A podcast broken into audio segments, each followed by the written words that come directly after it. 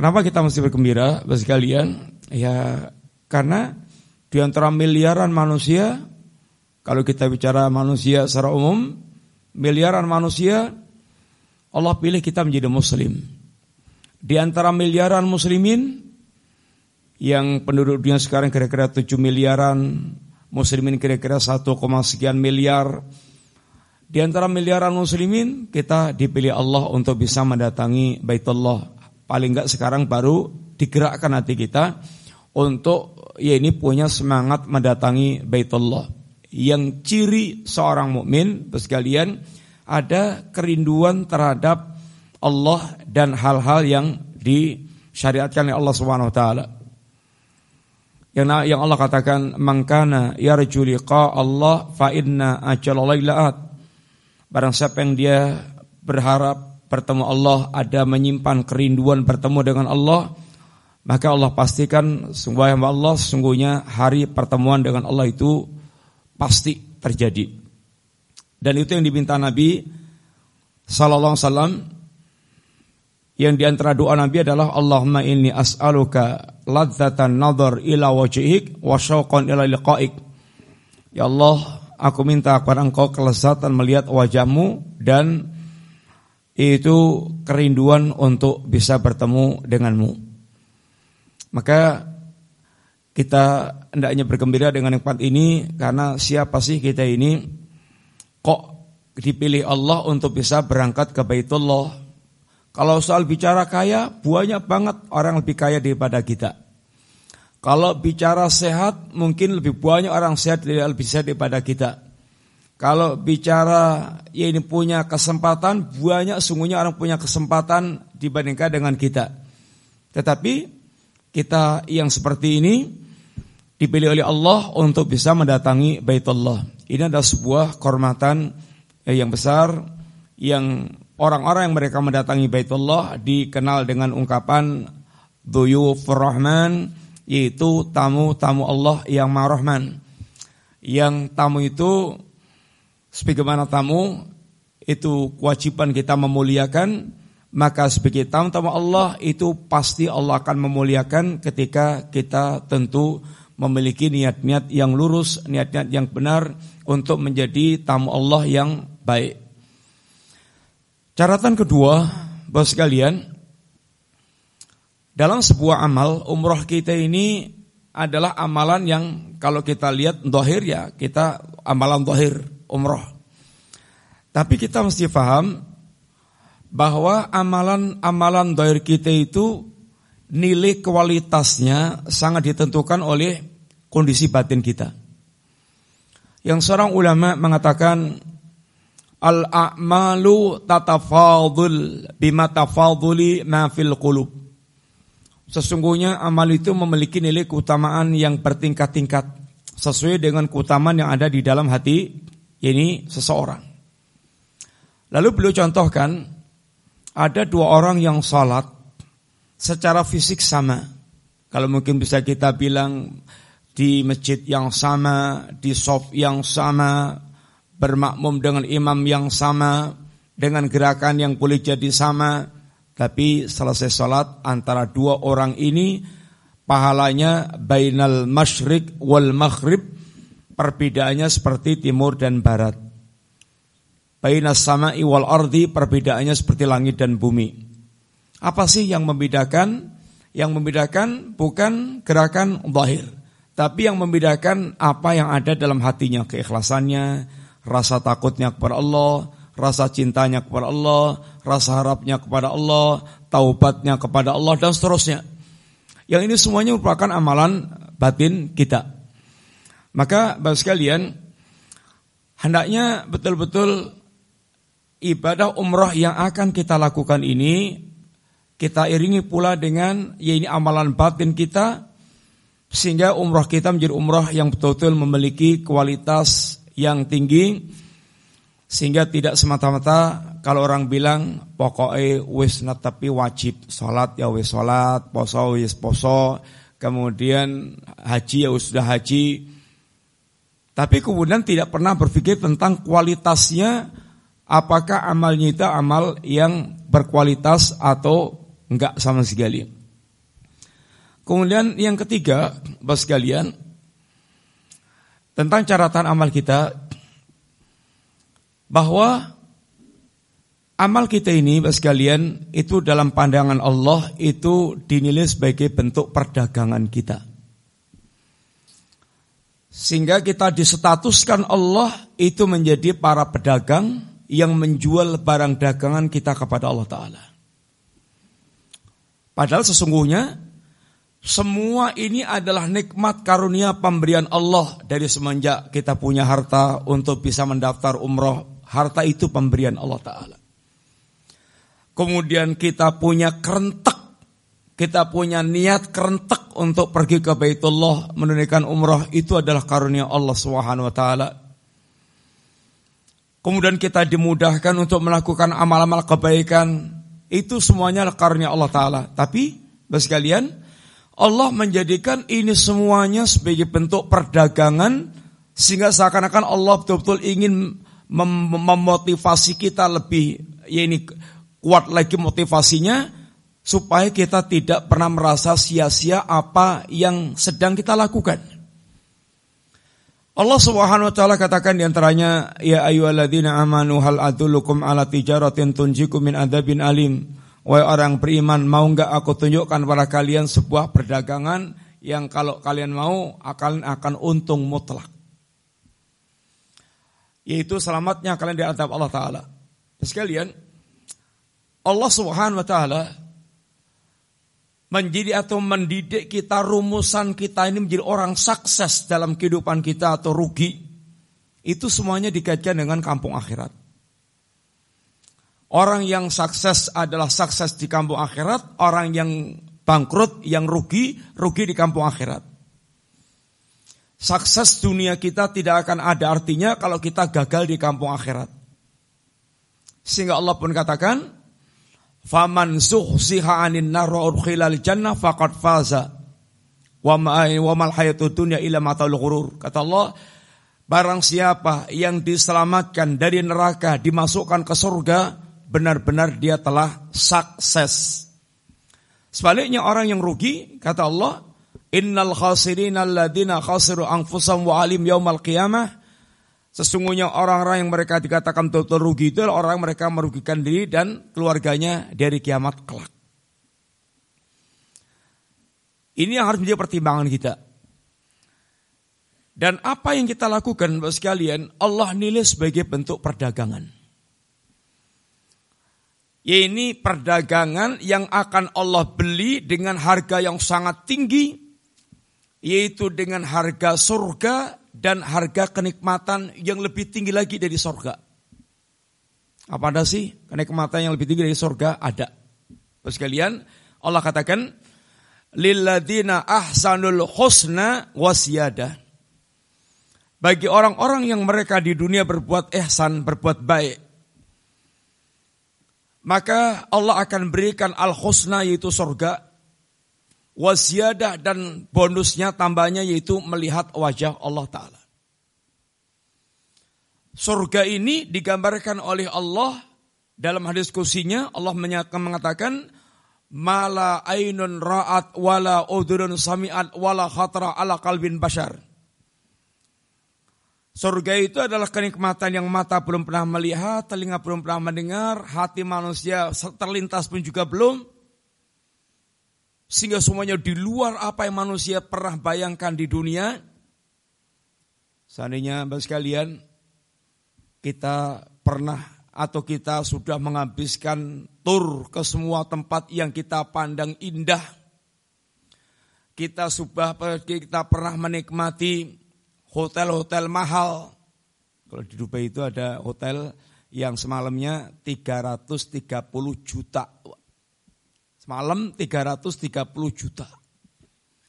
Seandainya kita pernah menikmati semua kenikmatan-kenikmatan yang ada di dunia, maka nikmat surga semuanya di luar apa yang manusia pernah bayangkan tentang dunia. Tapi ternyata ada kenikmatan yang bisa mengalahkan nikmat surga, yaitu kenikmatan ketika Allah memberikan kesempatan ahli jannah untuk melihat wajah Allah. Kenikmatan itu bisa mengalahkan atau melupakan nikmat jannah. Maka di antara doa Rasulullah SAW secara khusus, sekalian, Nabi pernah berdoa kepada Allah Ta'ala, Allahumma inni as'aluka ladzatan nadhar illa wajhik wa syauqan illa liqa'ik. Ya Allah, aku minta kepada engkau kelezatan melihat wajahmu dan kerinduan untuk bertemu denganmu. Oleh karena itu sekalian, ketika Allah mengatakan amal kita merupakan perdagangan yang akan Allah beli, yang sesungguhnya harga yang Allah berikan untuk kita, keuntungan yang Allah berikan kepada kita berlipat-lipat. Yang sesungguhnya amal kita tidak akan pernah bisa kita pakai untuk membeli surga. Sehingga jangan pernah kita merasa berbangga dengan amal kita. Karena sungguhnya amal kita tidak akan pernah bisa dipakai untuk membeli surga. Yang Nabi katakan, La yadkhulul jannata ini ahadun bi amalihi. Tidak ada seorang pun yang masuk surga semata-mata dengan harga amal. Sampai Nabi, sampai para sahabat menegaskan wala anta ya Rasulullah, termasuk anda ya Rasulullah, wala ana. Termasuk saya. Illa ayat taghammadan ya Allah birahmatin wa fadlin. Kecuali seandainya yaitu Allah curahkan rahmat dan karunia kepadaku. Hadis ini maksudnya sekalian, Seandainya kita ini punya kualitas amal seperti Rasulullah Sallallahu Alaihi Wasallam, itu tidak akan bisa kita pakai untuk membeli surga. Kita masuk surga semata-mata dengan rahmat dan karunia Allah Taala. Kalau begitu nggak perlulah kita amal-amal enggak. Amal wajib kita lakukan karena Allah jadikan amal syarat untuk mendapatkan jannah. Tapi harus kita paham, amal kita bukan harga surga. Tapi amal kita syarat untuk mendapatkan jannah. Sehingga Allah katakan, jaza ambi makanu ya'malun. Itu balasan atas apa yang mereka telah lakukan. Kulu wasrobu hani'an wa kulu wasrobu hani'an bima aslabtum fil ayamil khaliyah. Silahkan kalian menikmati makanan, minuman dengan sepuasnya, dengan senyamannya. Ini semuanya disebabkan karena amal-amal anda dulu waktu di dunia Amal kita sebab untuk mengantarkan kita ke jannah, tapi amal kita bukan harga jannah. Sehingga sekalian jangan pernah kita merasa sia-sia. Kamu seorang mukmin itu tidak ada istilah keringat tetesan keringat yang sia-sia, tidak ada istilah rupiah yang sia-sia, tidak ada istilah waktu yang terbuang sia-sia apabila kita betul-betul menggunakan untuk mencari keridhaan Allah taala, untuk mewujudkan nilai-nilai keimanan kita. Sehingga saat ini kita mengeluarkan uang mahal untuk umroh, untuk haji, untuk apa. Maka semua itu bukan pengeluaran sia-sia. Tapi ini sebuah pengeluaran yang akan kita unduh. Yang merupakan tanaman kita akan kita panen saat kita nanti menghadap Allah Subhanahu wa. Allah akan balas setiap amal kita dan itulah makna Allah asyakur, Allah dat yang memsyukuri ini amalan para hambanya. Kemudian catatan yang keempat, Nah sekalian, Umroh kita ini adalah ibadah. Dan selayaknya ibadah, maka ibadah itu hanya akan diterima Allah apabila memenuhi dua syarat utama. Atau kalau kita bilang atau kita rinci lagi ada tiga syarat utama sebuah amal itu menjadi ini berstatus atau bernilai di sisi Allah Subhanahu wa taala. Satu, yang harus uh, ya orang yang beramal ini harus seorang mukmin. Kalau dia bukan seorang mukmin, maka kebaikan apa pun tidak akan memberikan manfaat buat dia di akhirat kelak. Orang kafir, bos kalian, minta maaf. Kalau bicara tentang orang kafir yang yang punya kebaikan banyak banget, sangat banyak banget. Bahkan di zaman Rasulullah SAW itu ada orang namanya Ibnu Judan, super dermawan. Kalau dia itu nyuguh tamu itu mangkoknya saja sampai diraih pakai tangga, dipenek pakai ta, pakai ondo, pakai tangga. Saking durnya tumpuan mangkok, saking dermawannya kalau nyuguh tamu blobok itu enggak hitungan sama sekali. Tapi kata Nabi Ibnu Jud'an sama sekali tidak masuk surga. Kenapa? Enggak ada imannya. Hanya menjadi seorang yang uh, baik sosial, uh, ya sangat sosial, sangat dermawan, tapi tidak berangkat dari iman. Ini tidak memberikan faedah di akhirat. Yang kedua contoh lagi adalah Abu Talib. Kita semuanya tahu Abu Talib punya perjuangan yang berat untuk membela keponakannya, tapi sampai matinya Abu Talib tidak mengucapkan kalimat syahadat dan tidak mau. Maka Abu Talib berada di jahanam walaupun neraka yang paling ringan dan kekal di dalamnya. Tapi seringan-ringannya adab, kata Nabi, telapak kakinya kesulut api jahanam, otaknya dalam keadaan mendidih. Syarat yang pertama. Syarat yang kedua sekalian, dia sudah muslim. Tetapi ada tuntutan lagi ketika dia beramal, yaitu ikhlas. Amal itu semata-mata motivasinya yang menggerakkannya adalah semata-mata karena Allah dan mencari apa yang ada di sisi Allah Ta'ala. Ikhlas itu artinya murni, memurnikan. Kalau Allah memberikan tamsil tentang ikhlas sekalian sangat bagus, yaitu labanan khalisan, susu yang murni. Susu yang murni ini kata Allah, inna fil al'ami, inna ini sesungguhnya dalam binatang ternak itu, bagi kalian ada ibrah. Nusqikum min butunihi, yang Allah memberikan minum pada kalian dari perut binatang ternak itu yaitu susu. Yang susu ini, yang saluran susu ini Bapak sekalian, baina farsin wadamin antara saluran kotoran dan antara saluran darah. Tapi ketika susu diperas ini nggak ada sepletik pun, nggak ada secercah pun kotoran yang nyampur dan tidak ada status darah pun yang nyampur susu tersebut. Murni Ketika kita dituntut ikhlas dalam beramal, sekalian, artinya kita dituntut untuk betul-betul mengikhlaskan amalan kita, memurnikan amalan kita semata-mata kepada Allah. Jangan sampai ada kotoran-kotoran, niatan-niatan kita berumroh, tetapi niatnya untuk menaikkan grade status sosial, bahwa beliau sudah umroh, beliau sudah ke Mekah, sehingga statusnya itu bisa naik. Ini adalah niat-niat yang mengotori niat-niat kita dalam beribadah kepada Allah SWT karena umroh kita ini juga seperti salat, seperti puasa yang hendaknya dibersihkan dari motif-motif yang keliru. Yang kedua, sekalian, ini ittiba atau mengikuti ibadah, mengikuti tuntunan Rasulullah Sallallahu Alaihi Wasallam. Kalau yang pertama tadi ikhlas, Amalan kita sehebat apa pun kalau tidak ikhlas tidak akan diterima oleh Allah Ta'ala. Maka Nabi pernah bercerita ketika bicara tentang niat, innamal a'malu biniyat, amal itu pasti ada niatnya. Amal itu pasti disertai niat. Wa inna malikul imri'in malawa dan orang akan mendapatkan bagiannya pahala atau bahkan adab sesuai dengan niatnya tersebut. Ini kaidah. Lalu Nabi contohkan orang yang hijrah. Hijrah ini berat karena Makkah Madinah kira-kira 400-an kilo. Harus jalan kaki di bawah bayang-bayang ancaman Quraisy, kemudian perbekalan yang sangat minim, kondisinya bisa sangat panas banget, bisa dingin banget. Tapi rekosonya kayak apa pun dia beramal, kalau dia tidak ikhlas, maka amalnya itu tidak akan mendapatkan pala, bahkan bisa jadi bahkan diancam Allah SWT. Seperti ke mana dalam kisah tiga orang mereka ini mak beramal hebat, satu berjihad sampai mati, dua belajar agama sampai alim, sampai jadi orang yang hafal Quran, mengajarkan Quran. Yang ketiga berderma sampai ini betul-betul hampir semua jalan-jalan Allah dia dermakan hartanya.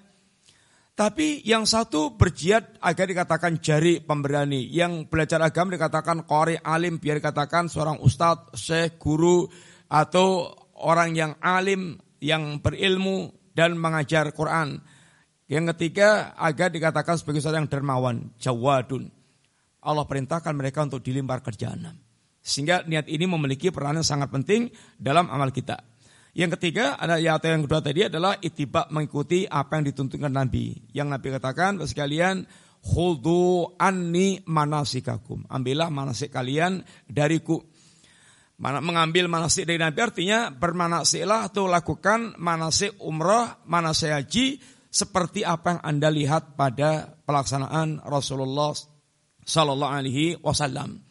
Oleh karena itulah sekalian, umroh kita ini sungguhnya adalah ibadah yang simple, ibadah yang sederhana, uh, yang kalau sudah kita praktekkan, ya jebule kok ngono. Itu simple banget. Pas kalian nyon ngapunten yang sudah pernah umroh, coba coba angkat tangan Pak. Kak Ibu yang pernah umroh, yang pernah berangkat umroh, setunggal kali tiga kawan kangsal Ya insya Allah uh, tinggal mengulang dan kemudian juga sudah punya bayangan tentang umroh kita. Tetapi karena uh, ini dalam rangka untuk kita kembali mengulang lagi atau memberikan ya manasik kepada teman-teman kita yang belum pernah umroh, maka perlu kita ini sedikit ulang berkaitan dengan masalah umroh. Insya Allah nanti di Madinah juga kita akan ulang lagi ketika kita mau umroh, itu kita pertegas lagi tentang manasiknya. Sekalian umroh itu simple. Hanya perlu ada yang perlu diperhatikan. Ada di sana ada rukun, ada wajib, ada umroh, ada sunnah. Kalau yang ditinggalkan itu amalan yang sifatnya rukun, maka berarti umrohnya batal, umrohnya gagal. Dia dianggap tidak umroh. Kalau yang ditinggalkan itu yang wajib, maka dia wajib untuk membayar dam yaitu denda dengan menyembelih kambing yang dibagikan kepada fukara wal masakin di Mekah. Kalau yang ditinggalkan itu yang sunnah tidak mengapa, hanya kurang abdol atau dia mendapatkan keutamaan yang kurang. Itu berkaitan dengan status amalan di dalam yaitu manasik umroh. Sekalian bisa dibuka ya bukunya di situ itu tentang ya ini masalah umroh atau kita terangkan simpel aja, singkat aja, nanti bisa dibaca lagi. Uh, umroh kita ini, yang pertama, kalau teknis nanti Pak Indra akan terangkan teknis dari berangkatan kita dari Indonesia ke ini, Tanah Suci. Yang pertama sekalian, nanti kalau kita sudah sampai di Madinah, sudah di hotel Madinah, sudah siap-siap segala macam, dan mau berangkat umroh, kita dari Madinah biasanya sudah siap-siap semua yang akan kita butuhkan di dalam ini umroh ini ini pertama pakai air tiup mandi dulu. Sunahnya kita mandi dulu. Mandi-mandi kayak mandinya orang yang mau mandi mau mandi wajib. Artinya mandi wajib ya kayak mandi keramas dari ujung kepala sampai ujung kaki semuanya dibersihkan, dibasuh ya diawali dengan kita wudhu, kemudian kita mandi guyur dari atas sampai bawah. Intinya mandi uh, wajib atau seperti mandi wajib atau seperti mandi junub, ya di antaranya seperti itu. Kemudian setelah mandi kita boleh luluran minyak wangi. Boleh luluran minyak wangi. Karena ini masih belum ikhram. Boleh luluran yang bapak-bapak khususnya, ibu-ibu kalau mau istilahnya minyak wanginan yang tidak berbau. Kalau yang berbau dilarang, yang bapak-bapak bisa luluran minyak wangi agar nanti badannya wangi. Dioleskan di badan.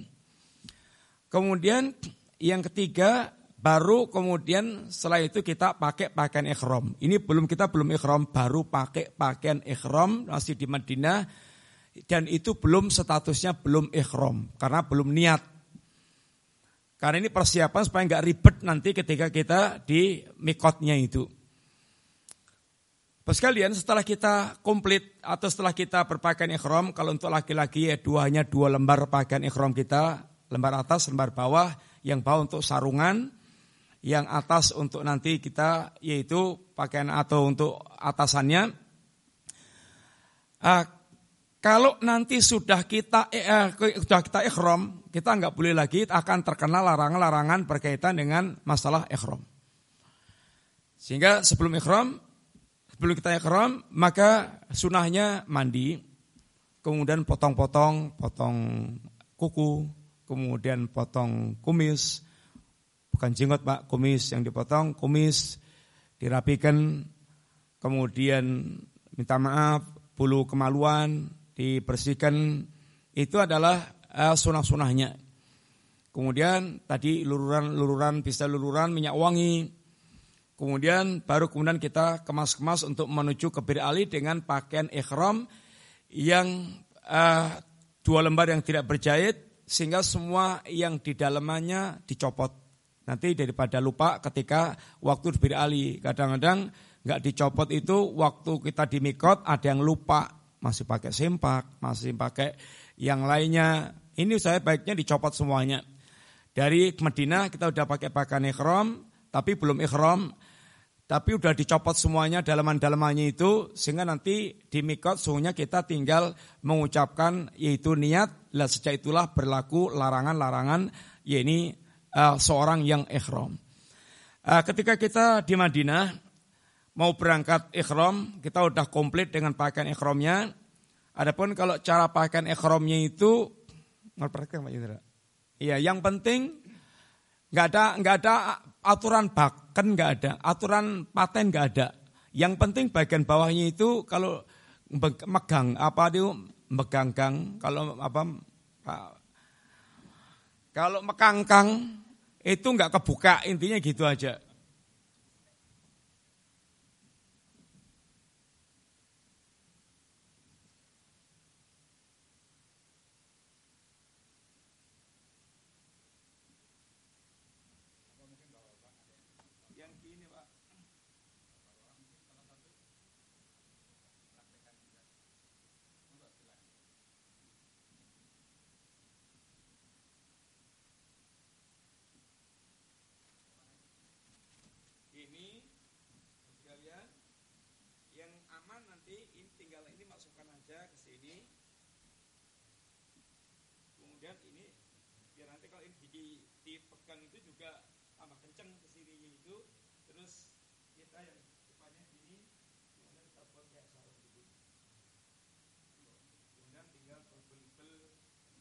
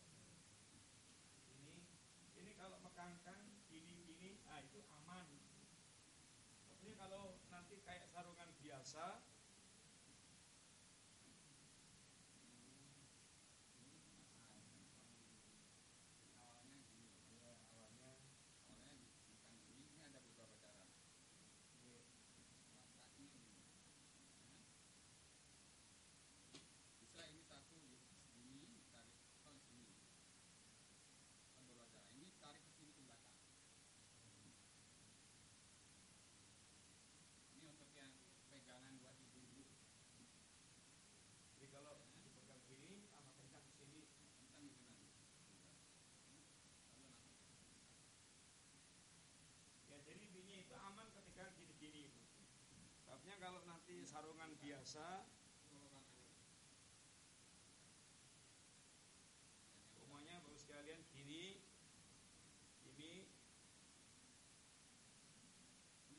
Nah, tapi nanti kalau pas gini nah bisa kelihatan itu medeni. Intinya hanya itu aja membuat aman dalam sarungan aja. Terus supaya kenceng bagus sekalian setutan setutan aja sultan yang gampang sebut apa sebut tali pinggang itu yang yang seperti kita pakai untuk celana itu aja pak. Kalau yang untuk yang umroh-umroh itu dia kadang-kadang lodok kadang jebol kadang copot itu. Kalau yang itu lebih aman.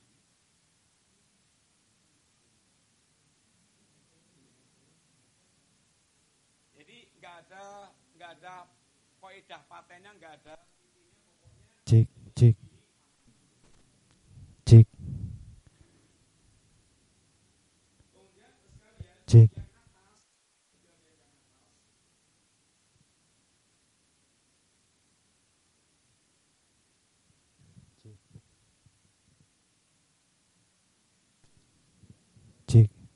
cek yang atas juga supaya nggak gampang copot-copot. Itu kayak pakai piyama aja bos sekalian. Kita pakai piyama. Jadi kita masukkan sini.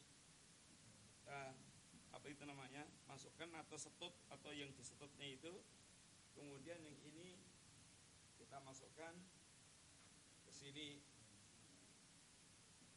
pakai piyama itu nanti sudah aman. Dia nggak nggak copot-copot. Tapi kalau sekedar kita ginikan itu atau kita ginikan nanti seringnya copot lagi. Kemudian gini copot lagi. Sehingga kita sibuk kadang-kadang ribet. Hingga di gitu-gitu insya Allah lebih uh, lebih aman atau lebih enak. Apalagi nanti kita pakai tas lempang kemudian juga ketekan tas lempang itu lebih nyaman kira untuk yang pakai ini cukup ya Pak ya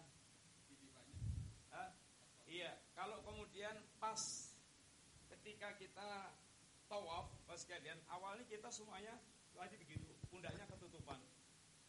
Tapi kalau pas nanti kita tawaf, maka pundak kanan kita itu namanya ittiba, itu diperlihatkan, kita selimpangkan aja juga seperti tadi gini. Kemudian juga ininya uh, kita masukkan tadi ke sini. Sehingga posisinya ininya pundaknya ini kelihatan. Nanti kalau pas kita sholat, mas kalian pemanya kan kita dari hotel tadi itu biasanya biasanya itu kalau kita tawaf itu jam 10 atau jam 11 kita belum uh, belum maghrib bisa kadang-kadang itu kita akan sholat di Mekah. Maka waktu sholat cek cek kita tertutup, pundaknya tertutup. Baik waktu sholat wajib ketika kita masuk Mekah kalau belum bisa ataupun maghrib atau sholat nanti di belakang makam Ibrahim. Setelah kita nanti dalam posisi begini, kalau pas sholat jangan lupa untuk kemudian ditutupkan yaitu kembali.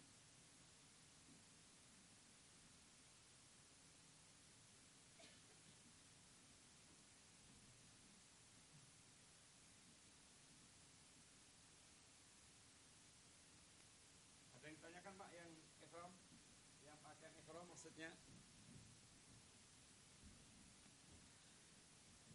Ini adalah persiapan kita untuk itu berangkat umroh.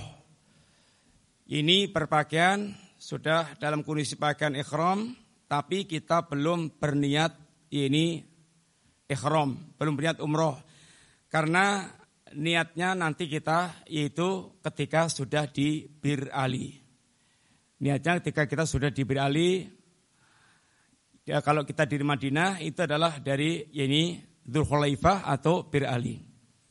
Kemudian Mas lihat di Bir Ali kalau kita sudah tadi dari hotel mandi, sudah berminyak wangi, kemudian sampai di Bir Ali tidak harus sholat di masjid Bir Ali. Karena tidak ada sholat niat umroh. Sholat di situ itu bisa kita sholat tahiyatul masjid, bisa sholat karena ngepasi pas jam sholat, sholat duhur atau sholat asar atau sholat yang lainnya, tapi tidak ada sholat khusus berkaitan dengan keberangkatan umroh. Jadi di situ itu intinya adalah mengambil mikot niat untuk umroh. Adapun pakaian ibu-ibu bebas seperti pakaian biasa, kecuali cadar maka tidak boleh cadaran ketika waktu kita ini sedang ikhram sampai selesai kita nanti ini umroh. Ini adalah pakaian untuk ibu-ibu atau untuk akhwat ketika akan melaksanakan itu umroh. Kemudian ketika kita sampai di berali tadi, kita sudah kembali ke bis, maka di saat itu kita bisa mulai mengucapkan yaitu kita mulai mengucapkan niat umroh. Niat itu asalnya di dalam hati. Karena niat itu adalah imbi'atul qalbi yaitu gerakan hati kita. Gerakan hati kita sehingga hati kita gereng niat mau umroh. Seperti kita niat mau ke warung, seperti kita niat mau ke masjid, seperti kita niat mau apa, intinya niat itu adalah gerakan hati. Kemudian yang kita lafatkan lafat lesan kita itu seperti kedudukannya kayak takbiratul ikhram. Kalau niat itu letaknya di hati, sedangkan yang lafat lesan kita ini adalah statusnya kayak takbiratul ikhram. Sehingga bukan itu, bukan niatnya, bukan itu. Tetapi niat itu dalam hati. Kemudian lafatnya ini Allahumma umrotan. Allahumma itu labbaik Allah umratan. Ini adalah ucapan ketika kita yaitu nanti di Ali. Nanti insya Allah akan juga dipandu oleh mutawif. Kita nanti di Madinah ada mutawifnya. Kemudian mutawif akan selalu memandu kita dari titik amalan ke amalan yang lainnya. Sehingga jangan perlu khawatir kesulitan atau enggak mudeng. Nanti ada uh, pemandunya. Jadi di Bir Ali ini kita mengucapkan, melafatkan yaitu ungkapan labbaik Allahumma umrotan. Itu kalau yang umroh kita sendiri. Tapi kalau kita badalkan orang, sekalian, badalkan siapa gitu, ini labbaik Allahumma umrotan an fulan bin fulan atau fulan atau fulana bintu ini fulan. Ada tambahannya siapa yang kita ini badalkan, siapa yang kita ini umrohkan. Ah, setelah itu itulah sudah sejak saat itu maka berlaku semua larangan-larangan ini ihram. Larangan-larangan orang sedang berikhram. Kalau yang sebelum tadi sampai di sini, walaupun sudah pakai pakaian ikhram, itu kita masih halal halal macam-macam. Masih halal macam-macam. Tapi kalau sudah niat dan kita melafatkan tadi, Sejak saat itu sampai kita selesai umroh itu berlaku semua larangan-larangan dalam hal ikhram. Apa di antara larangannya? Di antara larangannya satu yaitu memakai pakaian pakaian memakai pakaian yang berjahit. Ya yang punten ya celana, ya celana dalam, kaos, baju semuanya harus dilepas. Sehingga pokoknya yang nempel di tubuh kita tinggal dua lembar kain ini, yang satu untuk sarung bawah, yang yang dua untuk ya ini eh, kain atas. Yang lainnya semuanya dicopot. Adapun setut nggak apa-apa, boleh untuk yaitu jam tangan, kemudian setut, cincin itu boleh semuanya. Tapi yang tidak boleh tadi kalau laki-laki di antaranya pakaian semua yang berjahit ya sempak sempak kita, celana kita, kaos kita segala macam harus dilepas. Makanya termasuk peci, ya peci itu tutup kepala nggak boleh kita pakai peci. Termasuk yaitu nggak boleh juga nanti kita kerubutan, pokoknya bisnya ada banget ya sini. Panasan atau uh, sumuk itu atau kademen lalu dia kerubutan gitu nggak boleh nggak boleh dia ini tetap dalam kondisi tidak boleh dia nutup ini kepala. Pokoknya sudah berlaku larangan semua yang berkaitan masalah ini larangan ikhram. Termasuk laki-laki nggak boleh dia pakai yaitu sepatu yang ini menutupi yaitu kakinya, mata kakinya. Sehingga kita pakai sendal untuk kita ini melaksanakan umroh. Sepatunya diganti dengan ini sendal. Sehingga terbuka. Ini adalah uh, niat di Bir Ali. Jadi hanya tadi sudah persiapan mandi segala macam, potong-potong kuku, potong kumis, uh, kemudian bersih-bersih bulu kemaluan segala macam, pakai pakaian krom, kemudian sampai di Bir Ali, kemudian niat dengan ungkapan tadi. Itu hatinya kerentak untuk niat untuk umroh, kemudian lafadznya ini labbaik Allahumma umrotan. Itu kalau untuk kita sendiri, kalau membadalkan itu ditambah dengan anfulan bin fulan atau an fulana bintu ini fulana binti fulana. Itu berkaitan dengan masalah niat. Sampai sini ada yang tanyakan enggak? Sekalian? Ada kesulitan enggak? Enggak ada kan? Insyaallah gampang. Adapun ibu-ibu pakaian ikhram sekali lagi biasa. Ini kudungan biasa, pakaian biasa, kecuali tadi ini adalah cadar yang dilarang dan juga larangannya juga sama dengan laki-laki tadi potong-potong segala macam tadi itu. Kemudian setelah kita mengucapkan ini, maka dari Madinah sampai Mekah, sampai kita melihat Ka'bah, yang paling banyak kita ucapkan adalah lafat labbaik Allahumma labbaik labbaik la syarika laka labbaik innal hamda wan ni'mata laqawal mulk la syarika lak ini adalah ucapan dikir yang paling banyak untuk diucapkan terus sampai kita nanti melihat Ka'bah baru berhenti. Di bis ya khususnya laki-laki yang laki-laki itu disunahkan keras suaranya itu.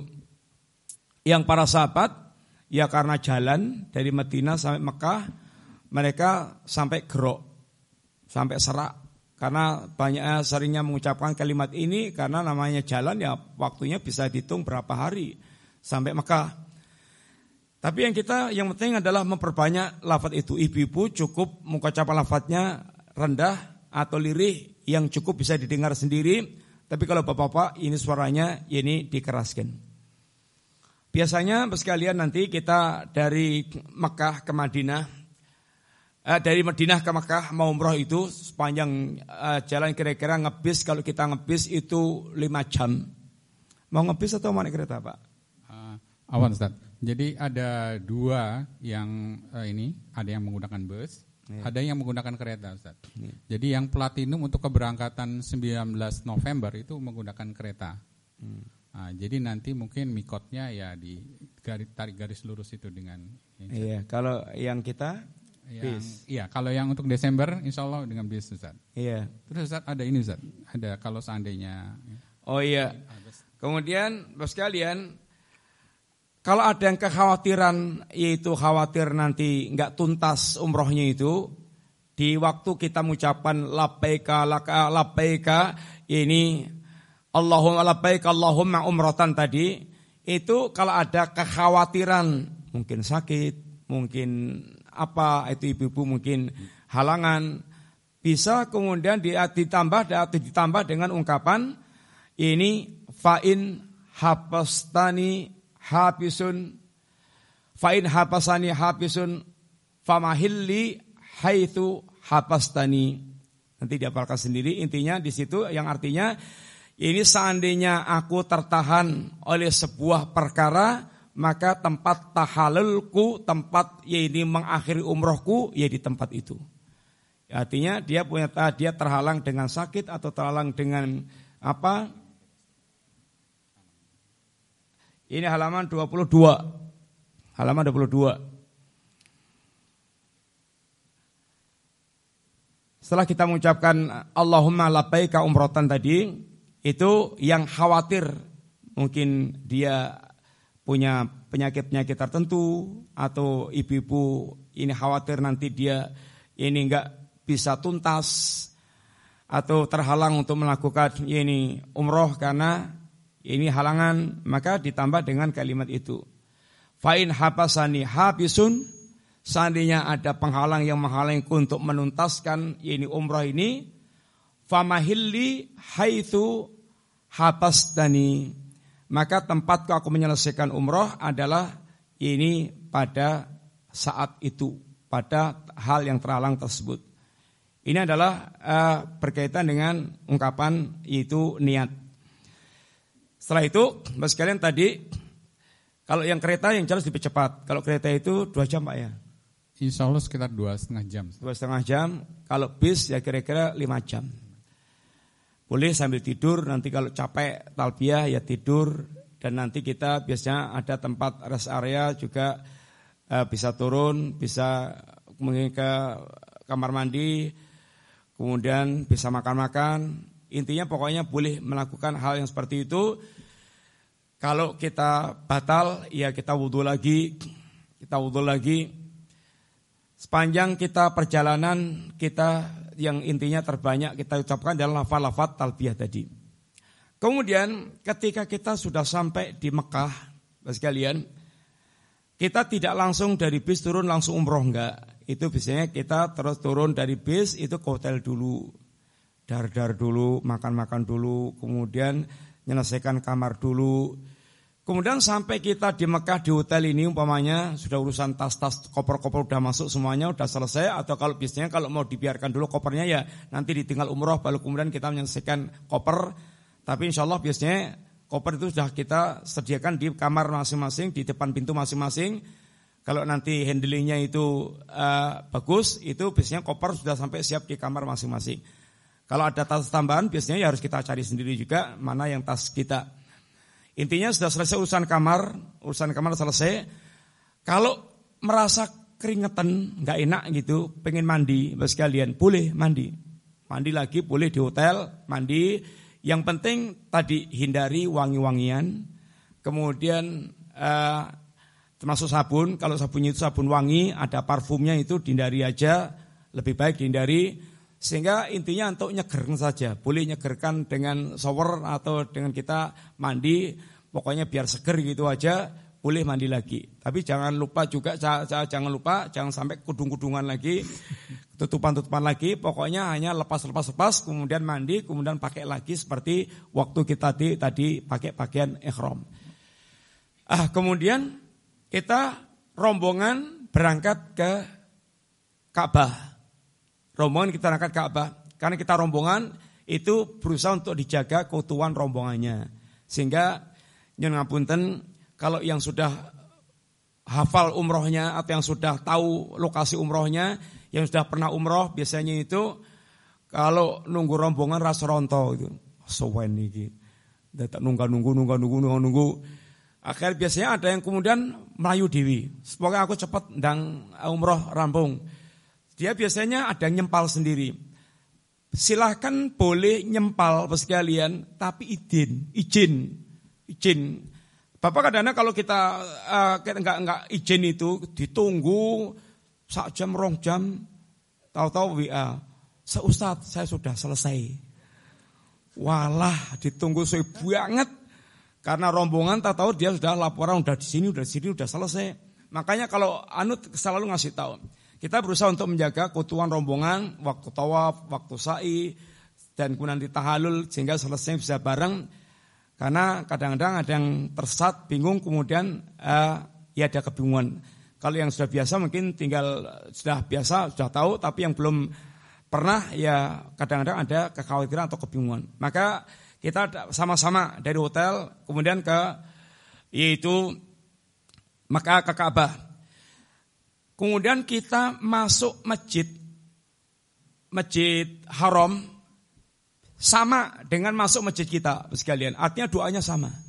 Ini Allahumma ftahli abwaba rahmatik yang singkat ini. Allahumma ftahli abwaba rahmatik. Mau yang panjang juga ada, tapi yang singkat ini. Lalu kita masuk Masjid Haram. Kalau kita nggak ada keperluan sholat maghrib isya, ya berarti langsung ke Ka'bah. Kalau punya keperluan maghrib isya, kita eh, sholat dulu, baru kemudian kita ini ke Ka'bah. Lah semenjak kita melihat Ka'bah ini kita berhenti untuk talbiyah. Kemudian kita mulai ini tawaf. Mulai tawaf. Tawaf ini diawali dari uh, Hajar Aswad. Setarnya Hajar Aswad. Ya boleh umpamanya kita itu pokoknya jalannya dari Rukun Yamani atau mana. Pokoknya setar awalnya itu hitungan setarnya itu di Hajar Aswad. Kalau Hajar Aswadnya itu Biasanya acara seperti ini sekalian itu ada lampu hijau di sana ada lampu hijau. Itu garis lurus atau garis apa ya lurus dengan hajar aswad. Lah mulai nanti di garis hijau ini kita mulai yaitu mengucapkan kalimat Bismillahi Allahu Akbar sebagai setar kita untuk tawaf. Karena rombongan, Bapak sekalian, karena rombongan Ketika yang di depan sudah garis hijau ini, ini mengucapkan Bismillah Allah Akbar, itu yang belakang bukan langsung juga Bismillah Allah Akbar. Yang belakang itu nunggu sampai nanti di garis hijau. Jika bukan berarti rombongan itu pokoknya ini Bismillah Allah Akbar, yang lainnya semuanya sama Bismillah Allah Akbar enggak.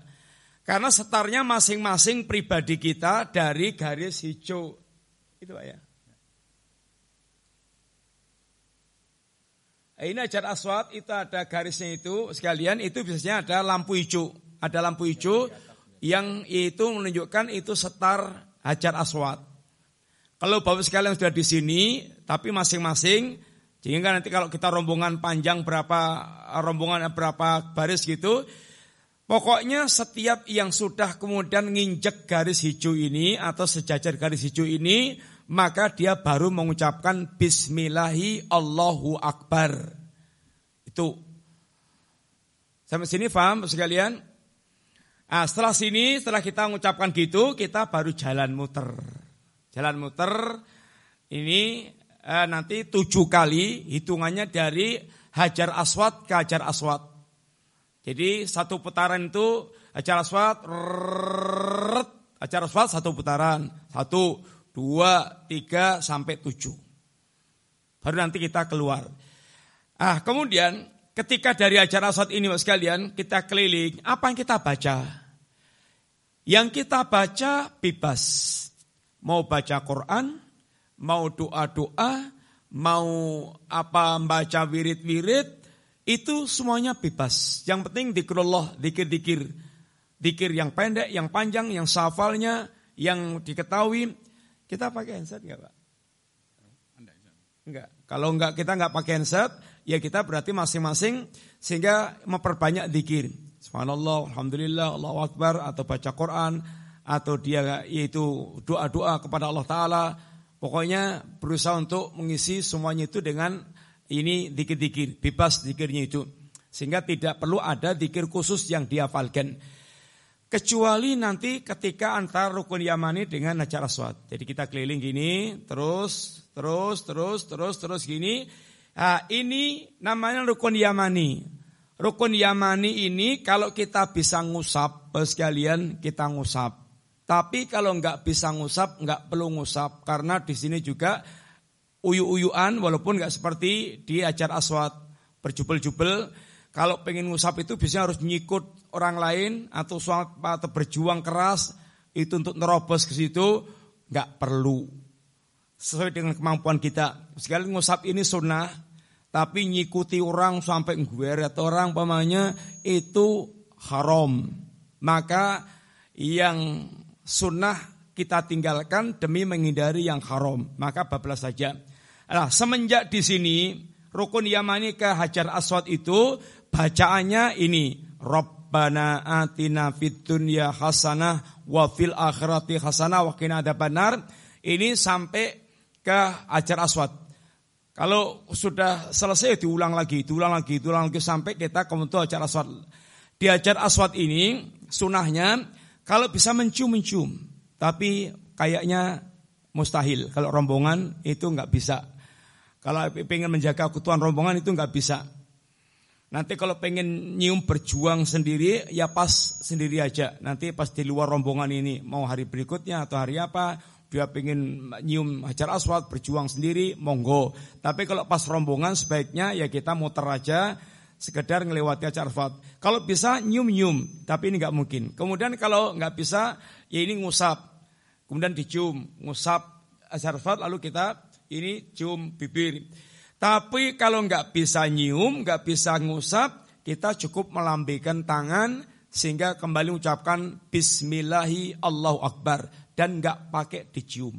Jadi kalau dicium tangan itu kalau kita bisa ngusap ajar aswad kita cium. Tapi kalau kita nggak bisa yaitu ngusap ajar aswad maka kita cukup melambaikan tangan Bismillahirrahmanirrahim Allahu Akbar. Kita ya ini sudah dapat satu putaran. Kemudian terus seperti itu sampai tujuh putaran. Kalau kita di sini insya Allah itu cepat.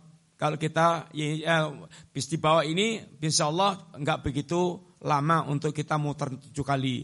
Tapi kalau kan nanti ada ibu-ibu atau bapak yang harus muternya di atas, sak putaran itu kayaknya 15 menit, Mbak. Sak putaran Ya Pak Indra. Ya paling cepat kurang lebih mas. Iya pokoknya sekitar itu 15 menit. Jadi kalau peng pitu tinggal ngepingkan pitu aja. Pak. Tapi untuk ini Ustaz, untuk kalau yang pakai kursi roda insya Allah di atas nanti Ustaz. Iya di atas. Makanya kalau ibu bapak saya yang pakai kursi roda itu mesti nanti di atas, di lantai atas. Itu ada petugasnya sendiri yang kecuali kalau ada bapak ibu atau yang putranya mau nyurung tapi biasanya itu repot kesel atau susah itu pakai petugas. Lah pakai petugas itu nyun ngapunten bayar. Bayarnya 300 nih. Kurang lebih 300. Iya, bayarnya 300 real. 300 Jadi real eh, nanti Bapak sekalian kalau memang ingin didorong di atas itu itu eh, barangnya sekitar 300 rial. Kalau bisa nanti milih yang orang Indonesia aja. Jadi kalau memang sudah siap untuk kursi roda itu nanti bilang mutawif biar dijaga orang Indonesia. Kalau nanti ada karena kalau ada itu kadang-kadang nggak ada yang mau nyuruh nggak ada karena kita kehabisan orang atau orangnya nggak ada nanti dapatnya orang Arab bisa diputarkan itu muter asal buanter gitu dan kurang perasaan. Tapi kalau yang nyuruh orang Indonesia ya mau komunikasi, mau ngeluh-ngeluh apa, mau apa itu itu enak. Orang Indonesia saja nanti milihnya sehingga juga muternya lebih enak. Tapi yang jelas tadi yang lampunten sekalian bayarnya 300 real. Mboten usah dihitung, enggak usah dihitung rupiahnya ya mahal. 300 ping petang ewu, sayu torong atus, wah muter sak torong atus. Ya yes, pokoknya bisa bayar, bayar gitu aja. Dan jangan suka dikerus-keruskan ke rupiah. Mangan bakso, rong puluh real. Wah, wolong puluh ewu bakso. Enggak usah ngitung-ngitung gitu. Intinya sekarang kita umroh atau kita sedang tawaf gini selesai.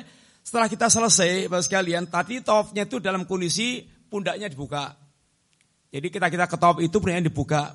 Kemudian sekalian, kalau bisa dan kalau memungkinkan tiga putaran yang pertama itu bapak-bapak itu namanya romel. Romel itu lari kecil. Ngijlik kalau orang Jawa bilangnya. Tahu nggak ngijlik, Pak? Ngijlik, yang ngijlik itu ya lari kecil. Tapi itu kalau mungkin tapi kalau pas padet itu ya pokoknya aja jalan aja ngitut gitu. Jadi itu sunnah. Ya, tiga putaran pertama itu ngijrik kayak gitu. Tapi putaran berikutnya biasa. Putaran berikutnya, empat putaran berikutnya biasa. Ah, waktu rukun Yamani sampai ajar aswad ini juga disunahkan ngijlik lari-lari ya ini kecil dengan bacaan tadi Rabbana atina fid dunya hasanah wa fil akhirati hasanah wa qina adzabannar diulang-ulang. Kemudian kita anggap sudah selesai. Ini umroh atau waktu top ini diputar tujuh kali, setarnya hajar aswad, kemudian bacaannya bebas, tiga putaran pertama ngijlik, Kemudian juga dari ajar eh, dari rukun yamani ke ajar aswad tadi bacanya khusus Rabbana atina fitun ya hasanah wa fil akhirati hasanah wa adzabannar. Selesai tawaf. Kita mulai keluar itu ke jalur keluar dari area tawaf menuju ke belakang makom Ibrahim. Makom Ibrahim itu bukan makam makom, makom itu tempat berdirinya waktu Ibrahim membangun Ka'bah. Kita mencari tempat lokasi belakang makom Ibrahim untuk melaksanakan sholat dua rakaat. Dua rakaat ini, bos kalian, kalau kita nggak bisa di belakang persis, mamanya makam Ibrahimnya di sini, nggak bisa di belakang sini, ya pokoknya tempat sembarang di mana kita bisa nyaman sholat, pokoknya di belakang makom Ibrahim di sini. Bisa sini, bisa sini, bisa sini. Pokoknya cari tempat yang nyaman untuk kita sholat menghadap Ka'bah, yaitu di belakang makom Ibrahim. Ah, bacaannya dua rekat ini, rekat yang pertama Fatihah sama Kul ya ayyuhal kafirun. Kemudian rekat yang kedua bacaannya Fatihah sama Kulhu. Itu sunahnya membaca ketika kita sholat dua rakaat setelah ayat setelah tawaf di belakang makom Ibrahim. Kemudian setelah itu, nah sekalian, silahkan doa-doa uh, setelah selesai sholat kita silahkan doa-doa bebas. Tapi surahnya tadi sholat ini sholat dua rakaat ini. Nah setelah selesai kita sholat dua rakaat kita menuju ke mas'a tempat syai. Menuju ke tempat syai ini mampir dulu kita ke zam-zam untuk bisa minum. Kalau dulu sumur sekarang ya enggak. Pokoknya ada tong-tong yang zam itu kita sempatkan mampir, kemudian kita minum atau yang bapak-bapak laki-laki ini bisa sambil membasahi yaitu kepalanya. Dibasahi dengan air zam-zam. Kemudian kita berjalan ke sofa. Untuk kita nanti sa'i sambil membaca ini ayat Inna sofa wal marwata min sya'airillah. Mau yang lengkap panjang boleh, cukup sampai sini boleh. Inna safa wal marwata min syairillah. Kita masuk atau naik ke area sofa. Di situ, bos sekalian, setelah kita sampai di sofa, kemudian kita menghadap Ka'bah. Menghadap Ka'bah. Kita membaca doa atau menjadi membaca yaitu zikir, doa ini Allahu Akbar, Allahu Akbar, Allahu Akbar. La ilaha illallah wahdahu la syarikalah. Laul mulku walul hamdu yuhi wa yumit wa huwa ala kulli syai'in qadir. La ilaha illallah wahdah anjasa wa'dah wa nasara abdah wa samal ahzaba wahdah. Ini bacaan ini dihafalkan diri nanti di rumah sekalian. Kita baca itu pertama kemudian kita doa. Setelah itu kita doa. Doa-doa semaunya, sebisanya, atau yang dia inginkan. Selesai doa dia baca lagi. Allah Akbar, Allah Akbar, Allah Akbar. La ilaha illallah wahdahu la syarikalah. Laul mulku walul hamdu. Yuhi wa yumitu wa ala kulli syai'in qadir. La ilaha illallah wahdah anjasa wa'da wa nasara abda wa hasamal ahsama wahdah. Lalu kita doa lagi. Sudah selesai doa, baca itu lagi, baru kita turun ke Marwah. Turun ke Marwah sampai di Marwah itulah satu putaran, satu putaran. Sehingga nanti hitungannya itu sofa, Marwah, kemudian Marwah, sofa, kemudian Marwah, kemudian sofa, berakhir di mana? Di Marwah. Sehingga satu, dua, tiga, empat, lima, enam, tujuh. Di Marwah. Lah ketika kita di Marwah sekalian, yang kita lakukan seperti ketika di sofa. Kita sampai di Marwah, kita menghadap Ka'bah.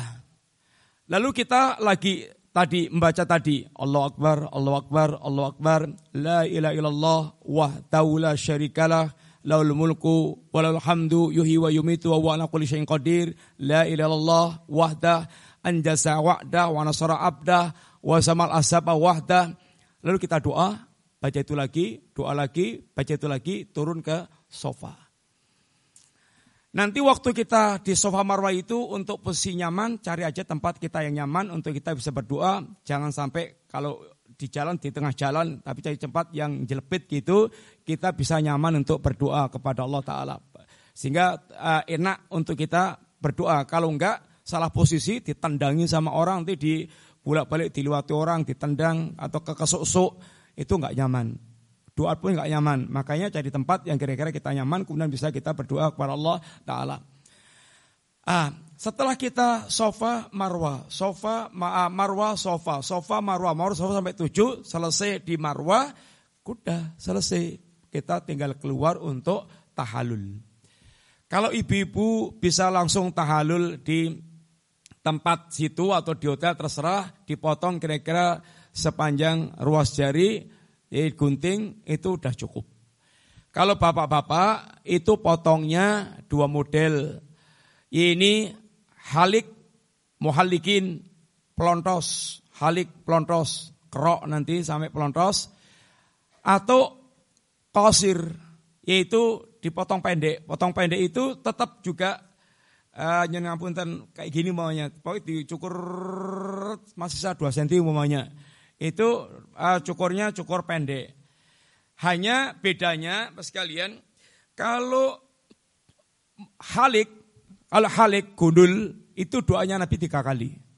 Allahumma gfir lil muhallikin kata sahabat lil muqasirin ya Rasulullah Allahumma gfir lil muhallikin lil muqasirin ya Rasulullah, Allah maghfir lil muhallikin, lil muqasirin ya Rasulullah, baru Nabi lil mu, lil mu, uh, lil muqasirin.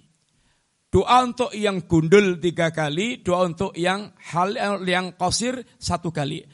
Monggo silahkan terserah mau yang gundul ya monggo, mau yang pendek ya monggo. Tapi yang jelas utamanya tadi kalau yang gundul itu tiga kali doanya untuk yang uh, kosir uh, yaitu satu kali. Sehingga kosirnya itu bukan hanya dicurut-curut atau dipotong gini, gini, gini. Enggak roto sak uh, sirah tapi pendek. Itu tahalul. Kalau sudah tahalul selesai, sudah pun bebas copot ganti baju biasa. Kemudian kita tinggal aktivitas apa yang kita inginkan untuk memperbanyak ibadah di haram. Umroh selesai. Namung ngoteniku. Ya hanya butuh fisik di antaranya butuh fisik. Adapun bapak-bapak, ibu-ibu yang memang kesulitan untuk yaitu mengerjakan dengan fisik full tadi itu bisa pakai kursi roda tapi nggak risikonya tadi itu pakai bayar. Itu berkaitan dengan masalah manasik umroh. Mungkin ada yang ditanyakan monggo. Awas Ustaz. Uh, ini Ustaz. Uh, pada saat waktu sa'i itu yeah. tadi ada yang kelewat mungkin. Oh iya, yang, bacaannya apa gitu? Bukan yang entah uh, apa? Yang jalur hijau itu. Oh iya. Ramal. Iya, yang saya tadi sekalian ada antar dua garis hijau. Jadi kita saya di sofa itu seret ketemu garis hijau. Nanti lagi sampai sini. Jadi antara garis hijau pertama sampai garis hijau kedua itu bacanya kalau kita mau ikut yang ada bacaannya itu Allahummarham waghfir wa'fu watajawwas wataqarram innaka antal ini akramal aziz. Ini kalau mau bacaan yang itu. Tapi kalau seandainya nggak membaca itu, bebas membaca ini bacaan apa pun. Itu waktu di lampu hijau, antara lampu hijau ini, itu juga sunahnya bapak-bapak lari. Lari. Lari itu lari uh, di tempat itu. Selesai lampu hijau yang sini, ya jalan biasa. Demikian terus ketika kita, yaitu sofa, marwah juga sama, ada lampu hijaunya sofa ke marwah ada lampu hijau, marwah ke sofa juga ada lampu hijau. Di lampu hijau inilah kita lari-lari, kemudian kita bacanya yang tadi. Allah marham, waqfir, wa'fu, watajawwas, wa, dan seterusnya. Itu kalau yang pengen apa? Kalau pengen yang doa itu. Kalau enggak enggak hafal, ya sudah pokoknya lewat itu aja dengan baca doa apa terserah atau baca Quran atau doa-doa atau wirid itu bebas dipulihkan. Ini sekilas sekalian tentang masalah manasik umroh. Mungkin ada yang ditanyakan, bisa kita perjelas waktu ini tanya jawab. Kalau ada yang terlewat-lewat, tapi intinya umroh itu simple, gampang, bacaannya juga nggak harus ngapalkan macam-macam. Bacaan yang dihafalkan hanya pendek-pendek sedikit itu yang disunahkan, yang lainnya bisa bebas yang sudah kita miliki hafalannya. Yang penting dalam kondisi kita bagaimana hati kita itu bisa menikmati atau khusyuk dengan umroh kita itu berkaitan dengan perenungan bacaan, kemudian berkaitan dengan pengagungan hati kita kepada Allah Ta'ala, dan seterusnya. Demikian Bapak sekalian dari saya mungkin sekilas tentang masalah umroh, eh, demikian gambaran singkatnya. Nanti kalau kurang jelas juga, nanti waktu kita di Madinah, insya Allah kita mau berangkat umroh itu, kita manasik lagi atau kita ada kajian manasik untuk uh, juga mungkin yang belum ikut bersama-sama untuk lebih kemudian mengulangi lagi dan juga penjelasan-penjelasan teknis berkaitan dengan perjalanan ini umroh waktu itu. Itu bisa, biasa, biasa kita lakukan dan mungkin nanti di Mekah Madinah sekalian juga ya kita sambil umroh juga kita sambil ngaji karena uh, kita sangat membutuhkan sekali motivasi, semangat, dan tambahan ilmu agar umroh kita betul-betul lebih berkualitas dan lebih kita maksimal memanfaatkan waktu selama di Mekah dan Madinah. Karena modal utama kita waktu dan kita ke Haramain itu ya mungkin yang Bapak Ibu sekalian punya uang bisa tiap bulan umroh tapi kadang-kadang mungkin kita hanya seumur hidup sekali. Maka ketika kita di sana manfaatkan waktu sebaik-baiknya untuk banyak berzikir, berdoa, beribadah, beribadah kepada Allah. Banyak-banyak kita doa karena kita musafir. Ini semuanya termasuk hal yang mesti kita harus perhatikan. Jangan sampai nyonya ngapunten di sana hanya sibuk keliling belanja terus, pasar terus, sehingga waktunya habis untuk belanja. Maka dan Monggo silakan bapak-bapak ada ada yang mau ditanyakan. Iya. Iya mas.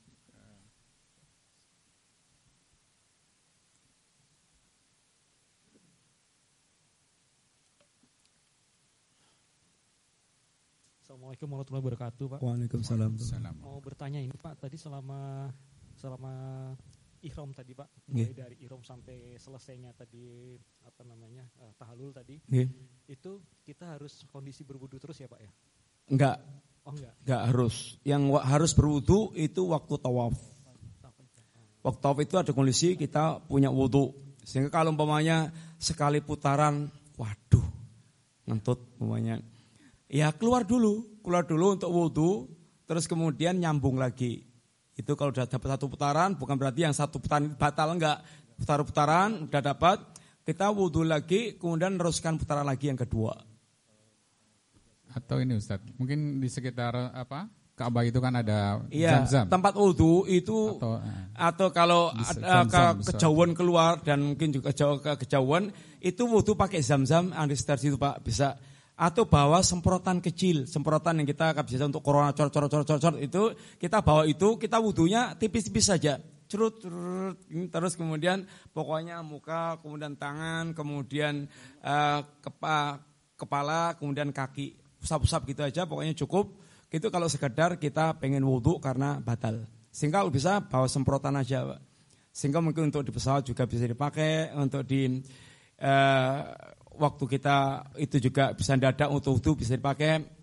Tapi kalau mau wudhu di dekat situ ya yang paling dekat ya pakai zam-zam itu.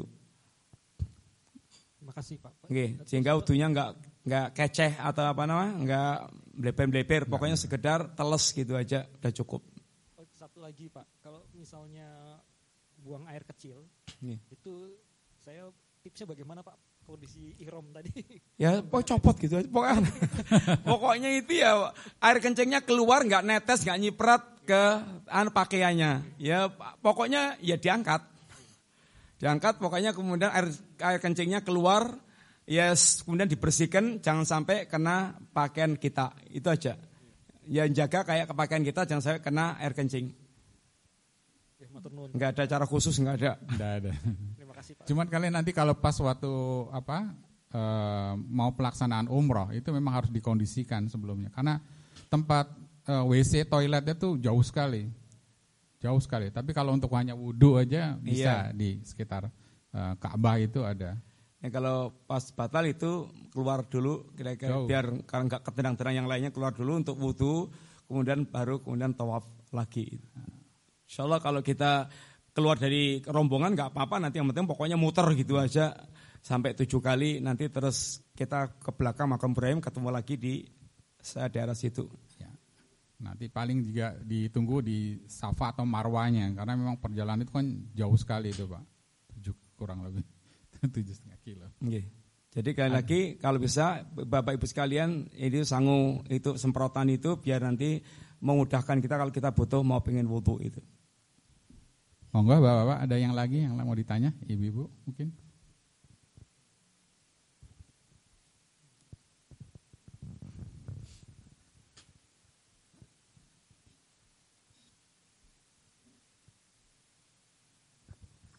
Ya, Assalamualaikum warahmatullahi wabarakatuh. Waalaikumsalam. Eh, begini Pak, saya mau nanya, nanti kalau saat tawaf sama sa'i itu, saya insya Allah bawa anak kecil itu Nggih. Caranya gimana Pak? Apa? Saged. Pokoknya dituntun atau digendong saged. Anak kecil bayi. Eh, setahun setengah Pak, Setahun setengah niku eh, gendong napa digledek? digeledek atasnya. Nek digledek ya kalau cari yang agak pinggir mungkin bisa Anda ya. Bisa insya Allah. Nggih, digledek sakit agak pinggir. Yang susah itu kalau kursi roda itu yang kadang juga ada yang pakai kursi roda juga waktu top itu Pak ya di bawah itu. Tapi bisa itu nanti cari yang agak anu pinggir aja kita mungkin rombongannya agak di pinggir kan Ka'bah itu gini kalau yang sini itu uyuk-uyukan. Kemudian kalau yang agak sini biasanya itu ya terus agak slow. Jadi kalau kita ngeledek bisa ya, bisa Pak sambil ngeledek gitu. Insya Allah bisa pak. Oke. Iya. Terus satu lagi eh, nanti misalnya kita sudah kelar eh, umroh ini bisa kalau pengen badal lagi apa kita ngulang lagi dari Madinah lagi gitu. Yang untuk umroh kedua ketiga gitu Pak ya. Heeh. Ya untuk kalau eh, kalau dalam hal ini para ulama ikhtilaf Pak. Para ulama ikhtilafnya itu tidak ada umroh dua kali dalam satu safar. Jadi ini pendapat pertama. Sehingga kalau pengen istilahnya pengen eh, umroh lagi ya dia keluar dulu dari dari safarnya ke Indonesia dulu baru kemudian umroh lagi atau dia mungkin mau ke Madinah lagi sana bukan baru eh, dia pengen umroh lagi. Itu di antara pendapat ulama tidak ada umroh berulang kali dalam satu safar. Jadi kalau mau umroh lagi ya dia pulang dulu dari safarnya itu kemudian baru kemudian uh, dia membatalkan siapa atau umroh untuk dimiliki. Yang kedua, pendapat kedua ada ulama yang membolehkan itu uh, umroh uh, lebih dari satu kali ketika dalam satu safar.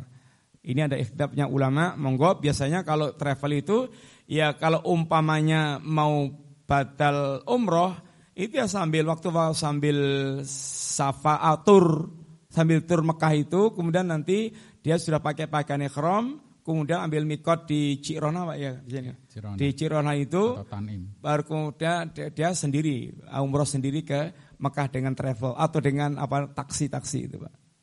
Jadi insya Allah dari pihak Alia itu hanya fasilitasi hanya satu kali aja Pak. Jadi nanti bisa minta bantuan atau tolong dengan mutoif yang di sana untuk Bapak nanti misalnya mau dibadalkan lagi. Tapi memang ini ikhtilaf dari para ulama seperti yang tadi disampaikan oleh Ustaz. Kita pakai fikihnya fikih yang umrohnya sekali. Ya, insya Allah kita sekali aja karena itu.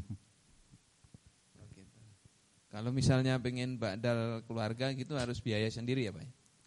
Badal keluarga maksudnya untuk orang orang lain yang badalkan. Iya kita mau membadal mewakili. Penjenengan, maunya penjenengan udah umroh, pengen uh, badalkan gitu. Uh, pengen gantian orang tua gitu. Ya, tapi jenengan, tapi pelakunya jenengan. Iya, uh -uh. ya, ya berarti selesai umroh sendiri, uh -uh. nanti itu batalkan ya itu ngambil mikot lagi ke uh, Cirona, kemudian umroh sendiri ke uh, Mekah. Jadi ambil mikot di Cironah namanya itu naksi biasanya Pak, naksi ke sana. Tapi kalau dari travel kita itu kalau ada yang begituan itu hanya difasilitasi waktu kita sambil tur. Sambil tur di sambil tur Mekah itu nanti diturunkan di situ nanti cari taksi untuk ke ya ini Mekah sehingga umroh sendiri Pak.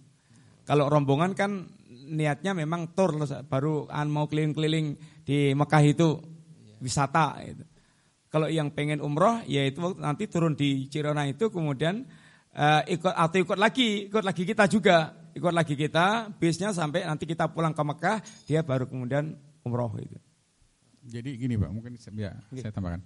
Uh, nanti begini Pak, kalau seandainya kita kan dari uh, mengambil suatu istiadat adalah satu kali safar, satu kali umroh.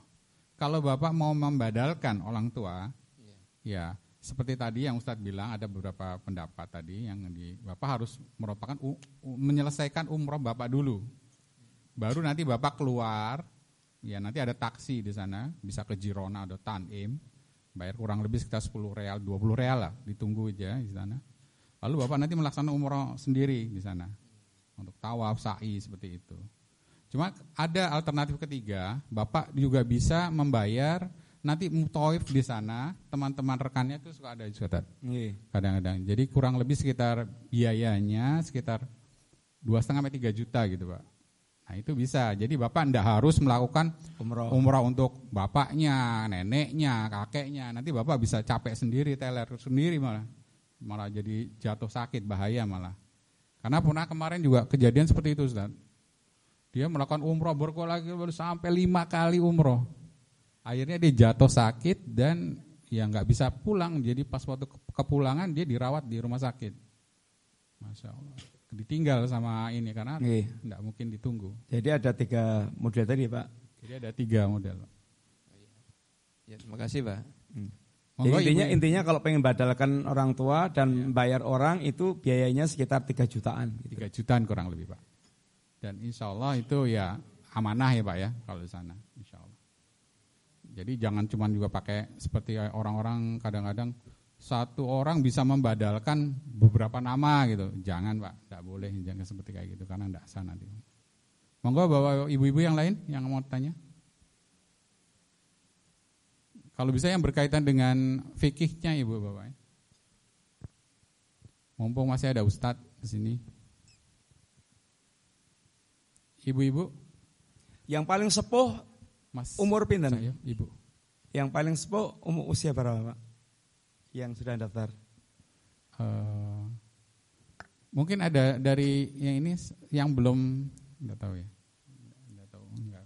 Tanya Mbak belum tahu. Nah. Enggak semuanya hadir soalnya, Oh, enggak semua hadir. Tapi dari yang daftar itu enggak enggak tahu ya. Yang paling sepuh umur berapa, Pak? Enggak tahu. Enggak tahu. Okay. Oh ya, berapa? 78. 78. Tasnya sehat nih. Ya, alhamdulillah. Enggak enggak perlu pakai kursi roda ya? Oh, gitu. Eh, kalau untuk sa'i eh, agak padat dan jauh loh, Pak. Kuat. Kuat insya Allah ya. Jalan biasa gitu aja insya Allah. Oh, iya. nggih, nggih. Oh, Masya Allah. Iya. Mudah-mudahan dimudahkan. Dan kalaupun seandainya nanti pada eh, kondisi di lapangan eh, misalnya tidak kuat, jangan dipaksakan pas waktu sa'inya, Pak.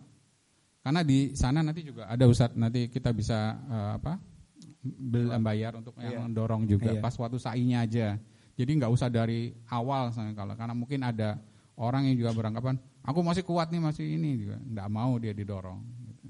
Tapi kalau udah nggak kuat pas waktu sa'inya kan agak jauh nanja itu Ya kesian. intinya sekitar 600 meter kayak sekali Ya. jalan itu. kurang lebih ya sekitar 4 kiloan ya Ustaz ya. Sampai 7 kali 7 berarti 4 kiloan. 4 kilo lah. kilo sekian. Mungkin ada yang mau ditanya lagi ibu ibu ibu mungkin. Pokoknya kalau sa'i itu keseleren, teman. Keseleren, dodok rin apa pokoknya tengok-tengok rin, kemudian baru jalan lagi boleh. Monggo ibu silakan. Assalamualaikum warahmatullahi wabarakatuh. Waalaikumsalam warahmatullahi wabarakatuh. Eh, ini Pak Ustadz, saya mau nanya untuk eh, ibu mertua saya, kebetulan umurnya udah sepuh ya, Nggih. eh, di atas 60-an. Nggih, di atas 60. Iya, Terus muda nih. Iya. Untuk baca-bacaannya itu Pak Ustadz, Nggih. eh, sepertinya agak kurang apa, agak ke- kurang untuk menghafal atau lafaznya juga itu. Itu gimana ya Pak Ustadz? Apa itu bisa eh, apa ya maksudnya? Iya gitu atau eh, bisa jadi tidak sah atau bagaimana Enggak. gitu? Tadi kan hukum kita sudah sampaikan bacaannya itu yang pa- yang paling utama kan waktu tadi itu hanya membaca ini eh, Allahumma labbaika umrotan. Itu aja pas waktu niat tadi. Itu aja. Setelah itu talbiyah-talbiyah itu semuanya bacaan sunnah, bacaan yang kalau umpamanya kita nggak bisa membaca apa-apa, ya nggak apa-apa. Yang penting eh, tadi niat ikhram dengan pakaian yang sudah betul-betul pakaian ikhram, kemudian tawaf, kemudian sa'i, kemudian tahalul, selesai. Umpamanya nggak ada bacaan apa-apa, nggak apa-apa. Pokoknya bacanya sebisanya. Kalau Robbana Atina kan sudah hafal. Bu. Insyaallah. Hanya itu bacaan waktu Rukun Yamani sampai ajar aswad itu. Yang lainnya bebas membaca apa aja. Doa, wirid, dikir, baca Allah Akbar juga bisa, subhanallah juga bisa. Sehingga nggak ada bacaan-bacaan khusus ketika kita, kecuali tadi waktu eh, di sofa marwah tadi bacaannya yang sunnah itu. Tapi kalau nggak bisa baca itu nggak apa-apa. Pokoknya langsung doa-doa juga bisa. Nggak pakai harus pakai baca-baca itu. Sunnahnya baca itu. Tapi nggak harus nggak harus baca itu. Terima kasih Pak Ustadz. Iya. Assalamualaikum warahmatullahi wabarakatuh. Assalamualaikum. Moga dari ibu-ibu yang lain.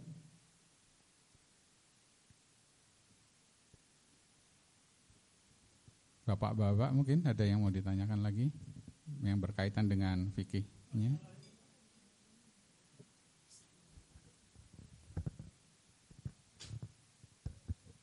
Tes.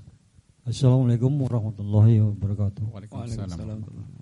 Jadi setelah kita sampai di Manida, Nggih. itu kan kita ke hotel, Pak. Ke hotel nggih. Iya kan? Iya, Pak. Nah setelah di hotel itu kita diwajibkan untuk mandi Enggak. wajib. Enggak. Enggak. Enggak. Di Madinah Enggak enggak. maksudnya setelah untuk mau menjalankan ke Umroh. umroh itu kan kita harus Mandi-mandi. wajib ya. Enggak enggak enggak wajib. Hah? Mandinya itu eh Mirip seperti mandi untuk yaitu umroh. Ini ya untuk niat untuk umroh. Iya, iya. Itu kan kita harus sunahnya mandi-mandi begitu. Nah, terus eh, selain itu kan sebelumnya umpama pemotongan kuku ya, Apa, Pak? Memotong Potong kuku. Oh, motong kuku nggih. terus potong rambut. Potong rambutnya jangan, Pak. Nanti Bukan, potong rambutnya waktu kita tahlil. Maksudnya Motong Kumis. Kumis. Potong kumis, mendekan. jenggot kan enggak. Enggak, iya. Terus ke- di kemaluan. Iya. Selain daripada itu bisa. Bisa maksudnya gimana? Maksudnya itu eh, harus gitu. Umpama bulu kaki Oh, enggak, enggak, enggak, enggak perlu. Ketiak. Iya, enggak. Ketiak dibersihkan Pak. Iya, belum ketiak. Dibersihkan. Nah itu itu yang yang harus uh, belum paham Pak. Iya. Jadi yang harus di, dibersihkan itu Yang apa? dibersihkan itu sunahnya, Nah, iya pertama, Pak. pertama Bulu- kumis. Potong-potong kuku, Kuku, kemudian ya, potong kumis. kumis. Kemudian potong bulu kemaluan, Kemaluan. kemudian ketiak. Ketiak. Sudah itu aja. Bulu kaki enggak? Enggak. Iya saya kira bersihin Iya. juga kan. Enggak. Oh ya.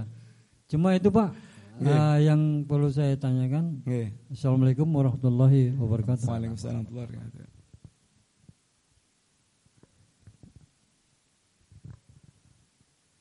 Ya, silakan Bapak.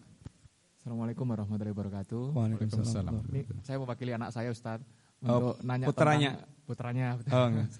Tadi apa mau ber, tadi pas ke toilet yang potong tahlul Ustaz. Nggih.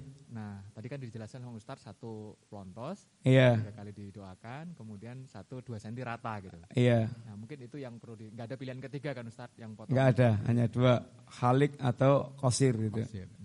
Nah, Enggak apa nanti tetap ganteng, Mas. nah? Dipotong pendek tetap ganteng aja. Makasih. Iya, enggak bo- enggak ada sunahnya. Oh, enggak Enggak, iya. Hanya dua pilihannya itu gundul atau kemudian pendek, potong pendek itu. Potong pendeknya itu ya rata tadi, tapi ada sisanya, masih ada sisa itu. Sisa 2 cm atau 3 cm itu. Sama itu Sat, kalau misalkan waktu paling afdol buat berdoa ketika umroh itu kapan Sat? Pertama, kalau waktunya sepertiga malam terakhir gitu. Kedua, waktu kita di Raudhah. Kemudian waktu antara adzan dan komat. Kemudian kalau kita pas tawaf itu di Al-Multazam. Multazam itu pintu Ka'bah itu. Setelah apa ini Hajar Aswad, ini ada pintu itu ini Multazam. Bisa mepet sini, gandulan gini, itu tempat ustaz untuk berdoa. Kalau enggak ya pokoknya arah eh, di belakangnya itu bisa untuk ya ini berdoa. Karena kalau harus anu, ngerangkul, oh, ngerangkul sini, mepet sini, perjuangannya ya itu harus uyuan itu. Iya, itu pintu multazam. Itu harus di depan pintunya apa kalau Iya, di depan jauh? pintunya itu tuh. Di depan Depan pintunya itu, iya. Enggak harus di persis di sini ya, di belakangnya juga enggak apa-apa. Dan Ka'bah itu enggak ada yang yang tidak ada yang sunah diusap-usap kecuali Hajar Aswad sama rukun Yamani tadi. Karena biasanya nanti kita akan lihat orang-orang itu ketika dekat Ka'bah, yo ada yang usar-usar tubuhnya, ada yang semuanya diulap-ulapkan ke eh, Ka'bah, di Ka'bah, gitu enggak ada ajarannya. Jadi hanya rukun Yamani sama Hajar Aswad itu yang berat untuk diusap. Gitu. Yang lainnya enggak ada keutamaannya. Jazakallah Sat. Mungkin ada yang lain dari ibu-ibu? Sudah paham semua? Untuk yang berkaitan dengan eh, syariat fikihnya? Insya Allah nanti kalau kurang paham kita nanti di Madinah lagi, Insya Allah akan kita ulang lagi atau kita pertegas lagi berkaitan dengan keberangkatan untuk umroh supaya kita fresh lagi untuk melaksanakan ini ibadah umroh yang merupakan inti safar kita. Kalau udah cukup dari saya cukup sekian, buat sekalian, matur nuwun, jazakumullah khair, terima kasih banyak. Insya Allah nanti kita ketemu lagi pas keberangkatan umroh, mudah-mudahan dimudahkan Allah, kemudian dijaga semangatnya dan utuh dari awal sampai akhir kembali ke keluarga dalam keadaan baik semuanya dan ibadah diterima oleh Allah Subhanahu wa taala. Demikian Bapak sekalian dari saya minta maaf kalau ada kekurangannya, kelambinya eh, demikian yang kita sampaikan dan kita tinggal banyak-banyak doa kepada Allah mudah-mudahan kita sampai berangkat sehat walafiat dan terus-terusnya pulang juga dalam keadaan demikian juga. Eh, jazakumullah khair wa sallallahu ala nabiyyina Muhammadin wa ala alihi washabihi wasallam. Subhanakallahumma wa bihamdika asyhadu an la ilaha illa anta astaghfiruka wa atubu ilaik. Insyaallah nanti Pak Indra akan menyampaikan detail-detail berkaitan dengan teknis keberangkatan ke safar kita. Assalamualaikum warahmatullahi wabarakatuh. Waalaikumsalam warahmatullahi wabarakatuh. Jazakallah khair. Ustaz.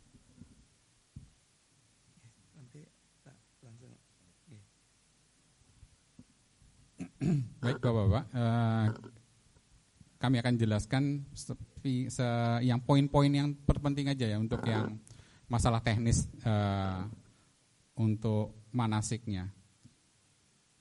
Mungkin uh, bisa dibuka slide-nya untuk yang itinerary-nya. Nanti Bapak-bapak itinerary-nya itu uh, sudah kita kirim ke grup WA masing-masing ya.